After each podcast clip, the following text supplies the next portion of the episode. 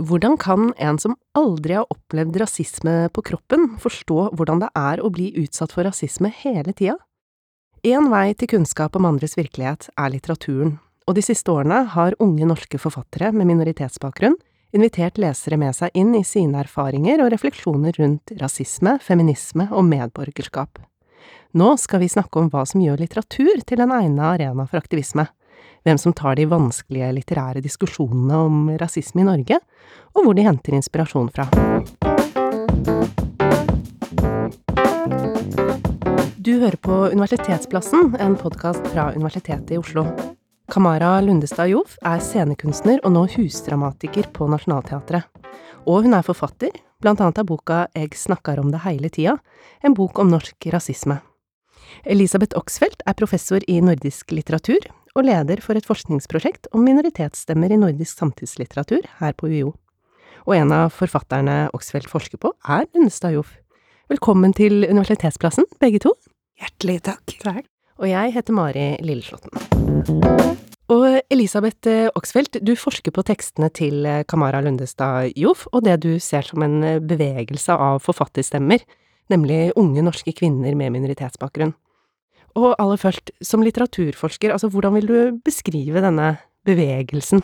Uh, ja, altså det handler jo delvis om uh, feminisme, og en interseksjonell form for feminisme, så hvis man bruger de sådan lidt mere traditionelle bølgemetaforer, så er vi inde i sådan en uh, tredje eller fjerde bølge og det uh, tænker man egentlig på som sådan en form for women of color feminisme, som kom fra USA, og ideen der er jo, at man får øh, tanker om intersektionalitet på bordet, øh, hvor man ser, at folk har jo forskellige, eller folk er jo udsat for forskellige overlappende øh, undertrykkelsesmekanismer, forskellige identitetsmarkører, forskellige solidariteter, øh, således at hvis du for eksempel er en sort kvinde, så kan du øh, til en vis grad identificere dig med andre kvinder, men andre, i andre situationer vil du måske mere identificere dig med andre sorte, også øh, mænd, altså dine fædre og dine brødre og dine sønner. Så den bølge kom sådan cirka på 90-tallet og er blevet udviklet videre. Fjerde bølgen har lidt mere med sociale medier at gøre. Men det vi skal frem til, det er, at så kommer der et stort plask i, den, i det her vand. Øh, så jeg ser det som sådan en big splash i omkring 2017 i Norge. Der har du øh, de såkaldte øh, muslimske skamløse piger, som sætter negativ social kontrol på agendaen med Skamløsbogen i 2017. Og året efter, så kommer øh, samlaget med serien Norsk Røgndom, hvor de udgiver tre bøger i 2018, blandt andet af Sumaya Irde Ali og øh, Kamara Lundestad Juf, øh, hvor de også beskriver en form for intersektionalisme og altså feminisme kombineret med antiracisme. Mm. Ikke sant, og det er det interseksjonalitet handler om, det, dette med å se forskjellige former for eh, undertrykkelse sammen. Og Kamara Lundestajov, som eh, Elisabeth sa her nå, i 2018 så ga du ut en bok som har blitt lest av veldig mange i Norge. Jeg eh, snakker om det hele tida, hvor du beskriver norsk hverdagsrasisme. Hva var prosjektet ditt når du skrev den boka? Hva ville du da? Um, jeg tror ikke jeg ville skrive den boka i det hele tatt, jeg. Jeg var veldig stor motstander av å skrive den boka. Jeg hadde ganske nylig blitt ferdig med en turné med en forestilling som handlet om det samme, som het Pavlovs tispe, som var en sånn selvbiografisk monolog jeg gjorde 207 ganger på et år. Og så så jeg meg ganske ferdig med rasismedebatten. Jeg klappa meg selv på skuldra og tenkte at jeg har bidratt med mitt. Nå skal jeg bare skrive om porno eh, og sci-fi og vampyrerotikk. Det er på en måte min drøm. Så jeg satte meg jo ned for å skrive en bok om pornografi eh, for Samlaget. Når de spurte om jeg kunne tenke meg å skrive inn i den serien, så var det et ganske klart premiss for meg at jeg ikke ville skrive en bok om rasisme. Eller meg sjæl.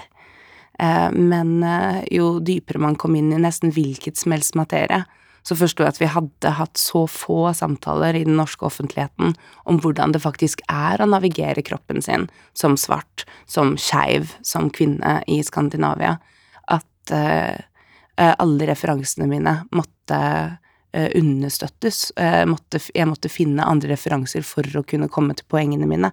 Når jeg hadde lyst til å snakke om hyperseksualiseringen av den svarte kvinnekroppen, så hadde vi egentlig ikke noe særlig språk for det. Så da fikk jeg jo alltid tilbakemeldinger fra redaktøren min på, da, da må du nesten forklare hva du mener med det. Jeg bare åh, det er rasisme. Det er rasisme, hva kan jeg referere til for å slippe å skrive om det selv? Så da skjønte jeg at for å få skrive den boka om porno senere, så endte jeg opp med å skrive den boka om rasisme først, da. Og så tok jo det prosjektet ganske stor forflytning. Det var jo ment mer som en akademisk, altså sånn lærebok, mer enn dette selvbiografiske essayet. Eh, men jeg er veldig glad det fikk den formen det gikk. Det var bare veldig vondt å komme dit, og ikke helt planlagt. Mm. Du sier jo at det, det skulle kanskje vært en, en, lærebok, men kanskje har det vært en slags lærebok for mange om rasisme, da.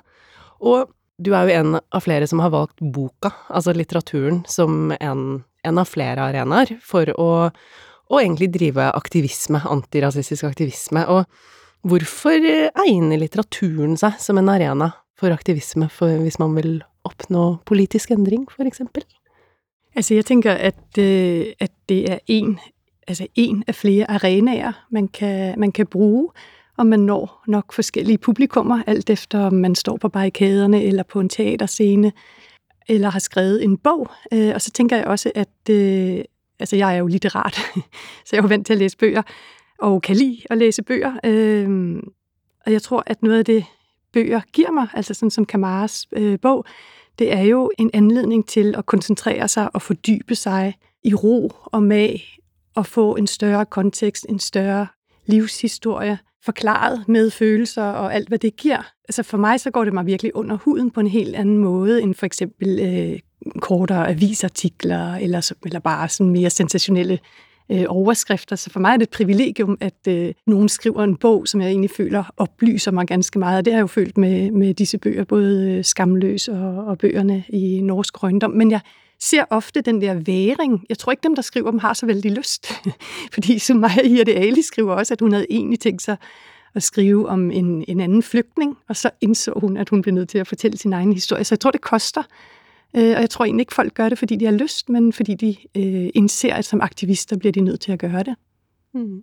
Hvis jeg kan legge til, som jeg, i hvert fall siden det primært er teater eh, jeg driver med La oss være helt ærlig, det er ikke så mange som går på teater. altså, boka er tilgjengelig på en helt annen måte enn de andre mediumene jeg har jobba med. Eh, og det handler bare om altså, kostnaden av en teaterbillett, hvor teatret ligger, hvem som føler seg inkluderte på de institusjonene, mens bibliotekene er overalt. De er skolebiblioteker, det er universitetsbiblioteker, det er det lokale biblioteket, det er det kommunale biblioteket, altså at det den type tilgjengelighet da, som da norsk bibliotekskultur gir et, et, publikum, uavhengig, da, i anførselstegn, eh, det er jo ikke alltid uavhengig, men i et håp, da, i hvert fall om å senke den klassebarrieren til å være tilgjengelig, det tror jeg er veldig relevant for at en bok kan nå ut eh, flere steder, og i mitt tilfelle, da, som har vært heldig og uh, fått bøkene inn på skolebibliotekene, inn i klassesett, inn i undervisning, at da blir det jo også en eller annen form for tilgjengelighet, et sånt ansvar en utdannelsesinstitusjon tar. Mm.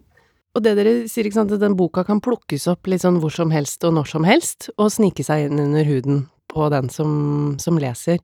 Og det uh, du gjør, uh, Kamara, og det flere av forfatterne som Elisabeth uh, forsker på, gjør, er jo at det, man setter søkelyset på diskriminering og urettferdighet ved å dele egne, veldig personlige erfaringer, men samtidig peke på et større fellesskap og sette det i en slags kontekst, da. Og det er jo ikke nytt. Elisabeth, hvis du kunne si noe om det, altså hvordan Hvorfor fungerer det så bra, og, og hvem har gjort det før? Hvem bygger de videre på? Ja, altså jeg tenker det ligger jo i, i aktivismen veldig ofte det her med at du som et sårbart individ skal utstille deg selv, men du gør det med en forståelse af, at du repræsenterer noget større end dig selv. Ikke også, at, at, du er, at du er en del af et fællesskab, og du er med til at bygge et fællesskab. Øh, og hvis vi bare altså for ser på Skamløsbogen, så siger de jo meget tydeligt, at den er henvendt til, øh, altså de betegner sig selv som øh, minoritetsjenter og brown girls, og den ligesom er henvendt til andre øh, for at bygge et større fællesskab. Men samtidig siger de, at den er jo også henvendt til øh, majoritetsnordmænd, som kan få lidt større indsigt i, hvordan det her. Så der er jo forskellige læsere af de her bøger. Men noget, man ser meget tydeligt, det er jo, at forfattere refererer til tidligere forfattere og kendte stemmer inden for borgerrettighedsbevægelsen og um, postkoloniale bevægelser. Man ser især mange amerikanske forfattere, der går igen, såsom øh, Bell Hooks og Baldwin og Du Bois og Audre Lorde er nogle af dem, der går igennem. Og jeg vil sige, at i forhold til uh, de postkoloniale frihedsbevægelser, så er det jo især uh, Frans Fanon, mm. som ofte, hvis tankegods går mere eller mindre direkte igen. Og det tror jeg giver sådan en tryghed også. Altså det giver en tyngde og en tryghed at vide, at man bygger videre på andres bevægelser og trækker dem ind i sin egen samtid. Mm.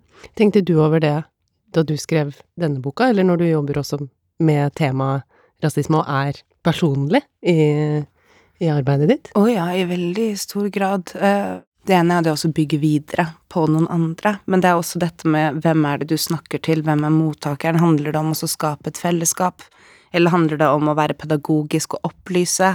Eh, hvilket språk bruker du til hvilket formål, hvordan forhandler du med pedagogen og med den offentlige samtalen, hvor sint har du lov til å være, hvor sint er du berettiget til å være? Eh, så det er jo en nøtt, eh, vil jeg si. Og jeg tror nok i hvert fall det er jo også den frykten om at selv om du snakker om deg selv, så snakker du ut i en større enhet, men da snakker du også på vegne av noen som egentlig ikke har bedt om at du snakker på deres vegne, nødvendigvis. Og det å forvalte det ansvaret, og ikke drukne i det, det, eh, det har jeg i hvert fall opplevd som veldig, veldig utfordrende. Noen ganger så skulle man jo tro at vi har sånn minoritetskonferanse en gang i året hvor vi har sånn avstemning. Nå får du to år, skal du få snakke, og så må du gi mikrofonen videre. Eh, med sånn dissentstemmer og sånn. Men eh, det er ikke så lett, og så tror jeg kanskje min hovedutfordring når jeg skulle skrive, spesielt da jeg snakker om det hele tida, at det var så viktig for meg at det var en norsk kontekst, fordi når alle referansepunktene våre er internasjonale og i veldig stor grad amerikanske, så blir også det arvegodset du bygger videre på, brukt til å avfeie deg og det du skriver om, og din erfaring, fordi du er ikke USA, og vi har en helt annen historie, og vi har en helt annen kontekst, så hvis det er det du skal komme og referere til, så trenger vi ikke høre på deg, for det har ikke noe med oss å gjøre, ikke noe med den norske identiteten. Så det å finne en måte å bygge videre på det arbeidet, men allikevel insistere på at man snakker om noe som vedgår oss, i Norden, i Skandinavia, i Norge, i Oslo, det kan være utfordrende, men det syns jeg det er veldig mange stemmer som har tatt tak i på en veldig god måte, og klart å formidle så spesifikt av den norske erfaringen. Sånn at det ikke kan avfeies, det kan ikke ignoreres. Ja, det er jo en, balansegang. På mange måter er det selvfølgelig at man inngår i en eh, global virkelighet, og at uh, rasisme er noe som eksisterer alle steder i verden.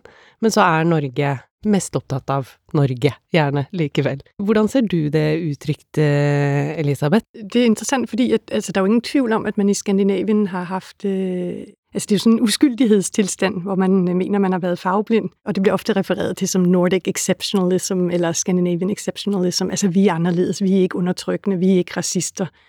Altså det, der fremgår ganske tydeligt, der, det var jo meget nemt at tænke sådan, så længe man var et mere homogent samfund.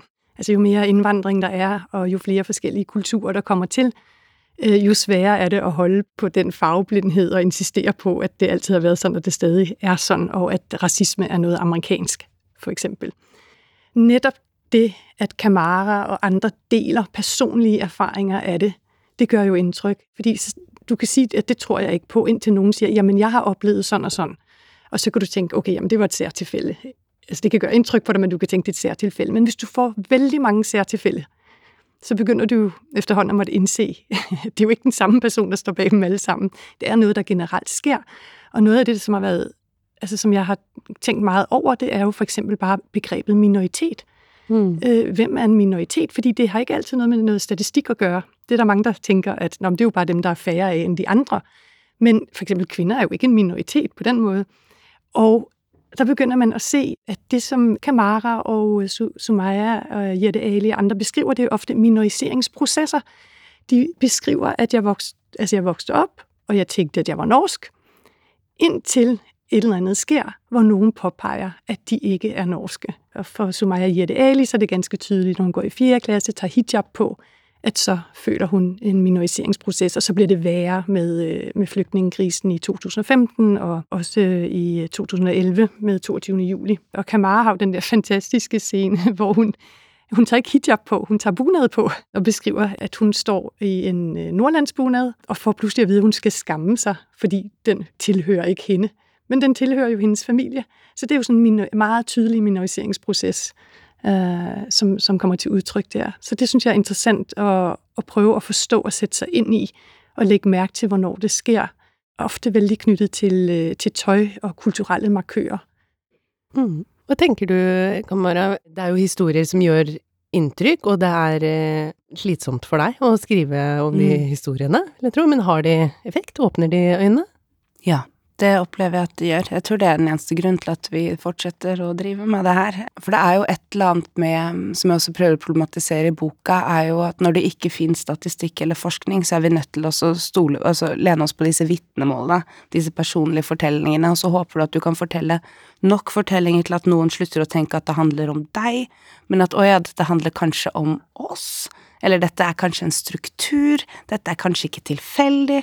Men det er utrolig mange anekdoter som skal til før man får den, si, det overblikket og, og den realiseringen da, som leser eller som majoritet. Og det å skulle be noen om å tro deg. For det er jo det man er avhengig av, man er avhengig av at man er et troverdig vitne på sine egne vegne. Du må be noen om å tro deg, og det er både sårbart, det er ydmykende til tider, men det kan også være retraumatiserende å skulle sitte og bearbeide på en måte sine egne traumer eh, i et kunstverk for at noen andre skal kjøpe dem og tro dem, og så utvikle en sånn egen empati for eh, et samfunnsproblem, da. Og det ser jeg at fungerer, men jeg blir jo veldig jeg blir kontaktet av mange unge mennesker som har lyst til å skrive, og som lurer på om de på en måte er dette er dette den eneste inngangen inn som forfatter? Må jeg skrive om mine egne traumer for å bli lest siden jeg er brun? Er det bare det majoriteten vil ha? Jeg har egentlig lyst til å skrive en krim, kan jeg det, eller må jeg skrive en sånn historie først? Altså at det har på en måte blitt et eller annet form for sånn, er det et premiss for litteraturdiskursen, hvis vi skal få lov til å være med, skal vi være med på de premissene? Men jeg tror også, som jeg ofte sier til de som er interessert i å skrive også egne historier, da, at dette er ikke terapi. Det er ikke terapeutisk å jobbe med dette materialet. Det er ikke ment som terapi, og leseren, publikummet, majoriteten som tar det imot, er ikke psykologen din. Gå til en psykolog. Så det gjør jeg da. Jeg går til psykolog hver onsdag. Jeg har aldri plassert en selvopplevd historie eller et traume ut i offentligheten, verken på scenen eller i avisspalte eller i litteratur, uten å ha bearbeidet det profesjonelt først. Mm. Men det er jo et dilemma, altså når det er så nyttig for eh, majoritetsbefolkningen som trenger å lære om, eh, om rasisme, og bøker sånn som din er en så effektiv måte å lære om det på, men det koster for forfatteren. Hvordan, eh, hvordan skal man håndtere det dilemmaet i, ja, i Norge, da, hvis vi vil komme videre i samtalen om rasisme i landet vårt? Nej, altså jeg, jeg tror ikke, der er nogen vej udenom. Altså i et, øh, i et demokrati, hvor man vil være med til at, at sætte præmisser og, og prøve at, at skabe øh, lige rettigheder for alle og få alle stemmer frem, så, så er der nogen, der må ofre sig. Og, og det ser, altså, jeg ser det ofte i den her type bøger. Jeg tænker, um, og det behøver ikke at være Altså det kan være alle slags øh, minoriserede positioner. Jeg tænker også for eksempel Jan Grues bog er også en, hvor han skriver om, hvordan det er at sidde i rullestol, og han skriver også, han har ikke lyst til at skrive den her bog, men han, han gør det, fordi han forstår, at, at den stemme må bare frem. Så nej, jeg, jeg ved ikke, Kamara, jeg ser ingen anden udvej, gør du? Nei, men det jeg i hvert fall ser, da, som jeg tror i hvert fall har vært en utrolig um, vakker prosess uh, for meg, var jo for eksempel det å gi ut i en bok samtidig som Sumaya. Uh, og vi har jo hatt Vi har veldig forskjellige bøker. Det er ikke De blir ofte lest som samme bok, de ble liksom samla anmeldt og satt opp mot hverandre. Noen utrolig sånn hårreisende anmeldelser på hvem er mer sympatisk av Sumaya og meg til å fortelle om den rasifierte historien, eh, i en eller annen form for sånn konkurrerende aspekt, istedenfor at de blir lest som kunstverk eller som litteratur, da, på, på hvert sitt premiss. Men det at det har kommet flere og flere bøker, det at Kuro Sibeko kom med sin bok, det at uh, Johan Shanuga Ratman har kommet med sin bok, altså det at det har kommet såpass mange flere historier over de siste årene, gjør jo at min ikke trenger å være representativ for alle.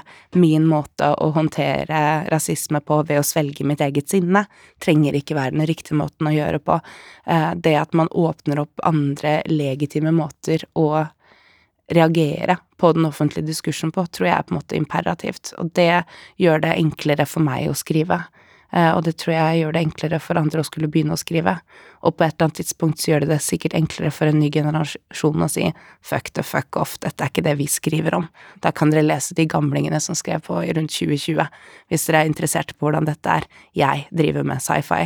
At det forhåpentligvis kan være med på å på en måte åpne det rommet, da, brekke det rommet. Det at forlagene får en større forståelse, kanskje begynner å få en egen forståelse for at jo, nei, kanskje de burde slutte å lete etter minoritetsforfatteren, men kanskje begynne å lete etter minoritetsredaktøren, eller forlagssjefen. Det å se på strukturene i sine egne hus, hvordan tar vi imot disse historiene? Det tror jeg kanskje er det neste skrittet for at disse historiene kan fortelles av flere, men også på andre premisser. Jeg tænker også, at øh, altså på den ene side, du, du sagde lige før, at, øh, at det kunne være ubehageligt at træde frem, fordi at, det kan jo også være, at folk føler, at du ikke repræsenterer dem. Mm. Og det er jo også en af de ting, som jeg synes er, altså som vi også har fokus på i forskningsprojektet, det er for eksempel også det her med, du får den paradigmatiske indvandrerstemme. Men så kommer, så kommer der andre reaktioner, men det er jo bare fint på en måde. Tænker, altså jeg tænker sådan som Shazia øh, Majid ud af skyggerne, mm. hvor hun er lidt ældre og regner sig som storesøstergeneration, men hun kommer også på nu, fordi at nu er der et momentum. Og så går hun ind og kontekstualiserer lidt, øh, lidt mere historisk, og har nogle andre holdninger. Og, og Layal Janet Ayub, Min vej til frihed, hun er en anden type øh, muslim og har en anden forståelse af brugen af hijab end Sumaya Yirde Ali for eksempel. Så de stemmer kommer også ind. Men noget af det, som jeg synes, at øh, Kamara er vældig god til at, at påpege og snakke om, det er jo måske også, at dem, som ikke er minoriseret, kan føre ordet, tage kampen, hjælpe med at repræsentere. Og det er jo måske også lidt der, jeg selv føler, jeg kommer ind. Fordi hvem er jeg til at gå inn som forsker og løfte materialet frem, med et ønske også om å diskutere det og, og repræsentere, men jeg repræsenterer jo på en måte øh, måske mere den middelklasse hvide kvinde øh, fra akademia, som sitter og læser, ikke også? Men øh, det er jo nogle af de ting, som du faktisk har sat ord på flere gange, både i øh, Jeg snakker om det hele tida, hvor du skriver, at øh, altså, jeg vil ønske, at, øh, at hvide kvinder sagde det her i stedet for mig, fordi at det ville ikke koste dem så meget, som det koster mig, og det kan være, at der er nogle flere eller nogle andre, der vil høre på dem. Så, så det er jo også en måde at, at udvide det på, og ikke hele tiden kun selv skulle sidde med byrden.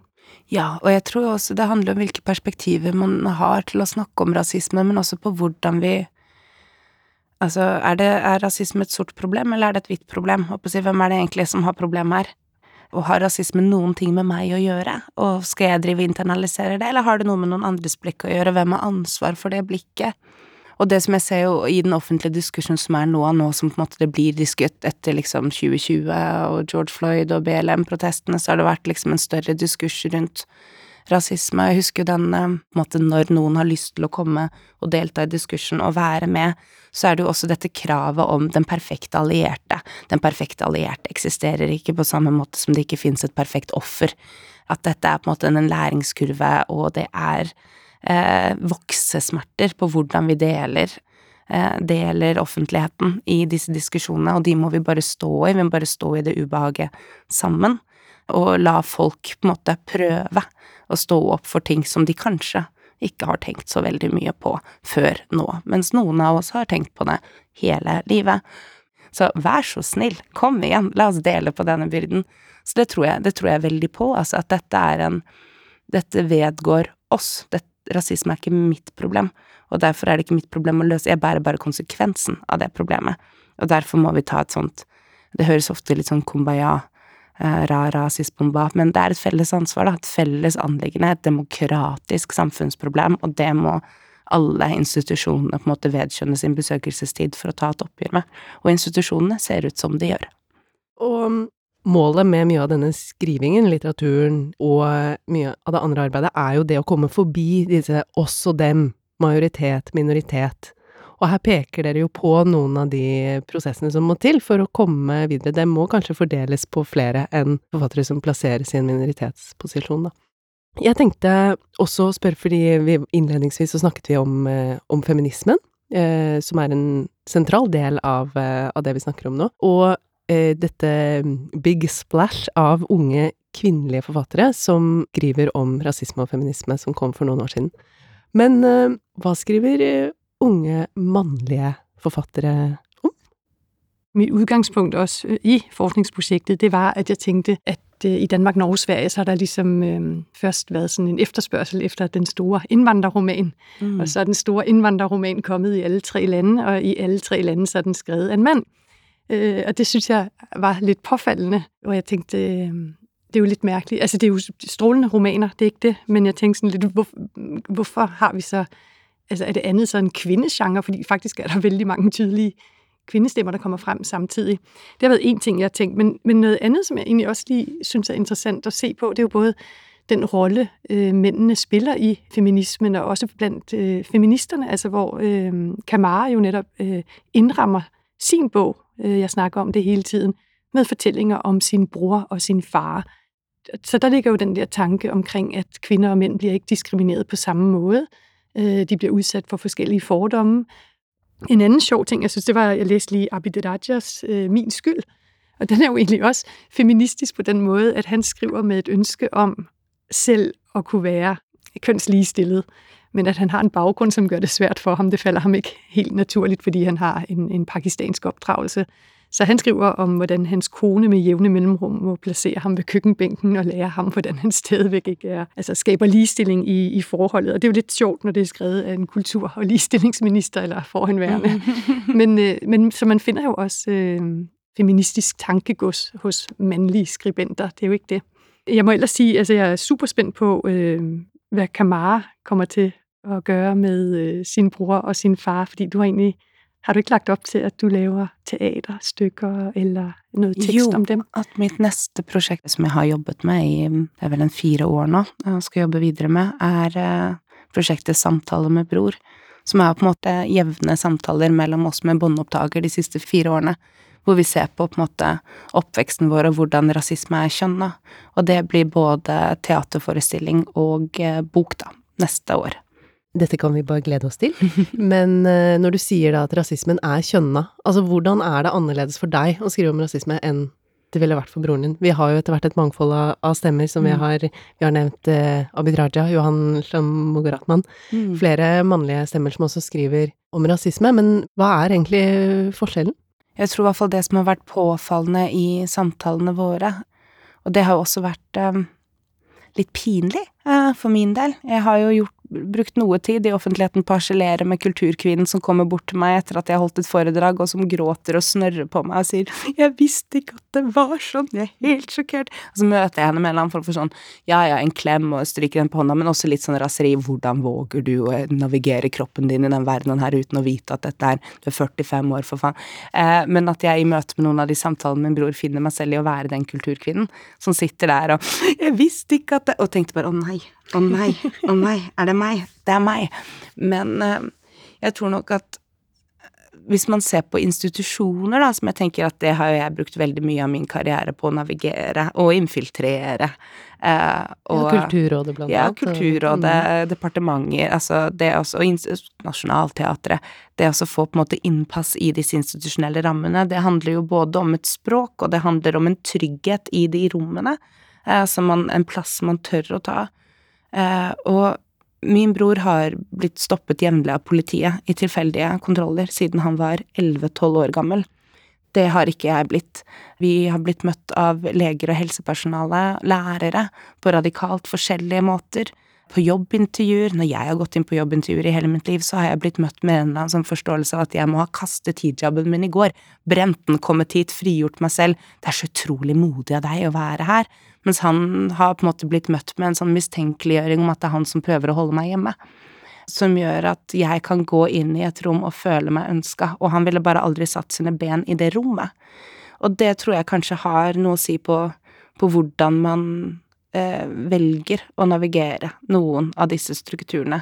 For jeg har gjort det med en mye mindre frykt enn han har gjort, fordi jeg har ikke de delte erfaringene som har gitt meg den mistanken da, til det norske samfunnet eh, på samme måte.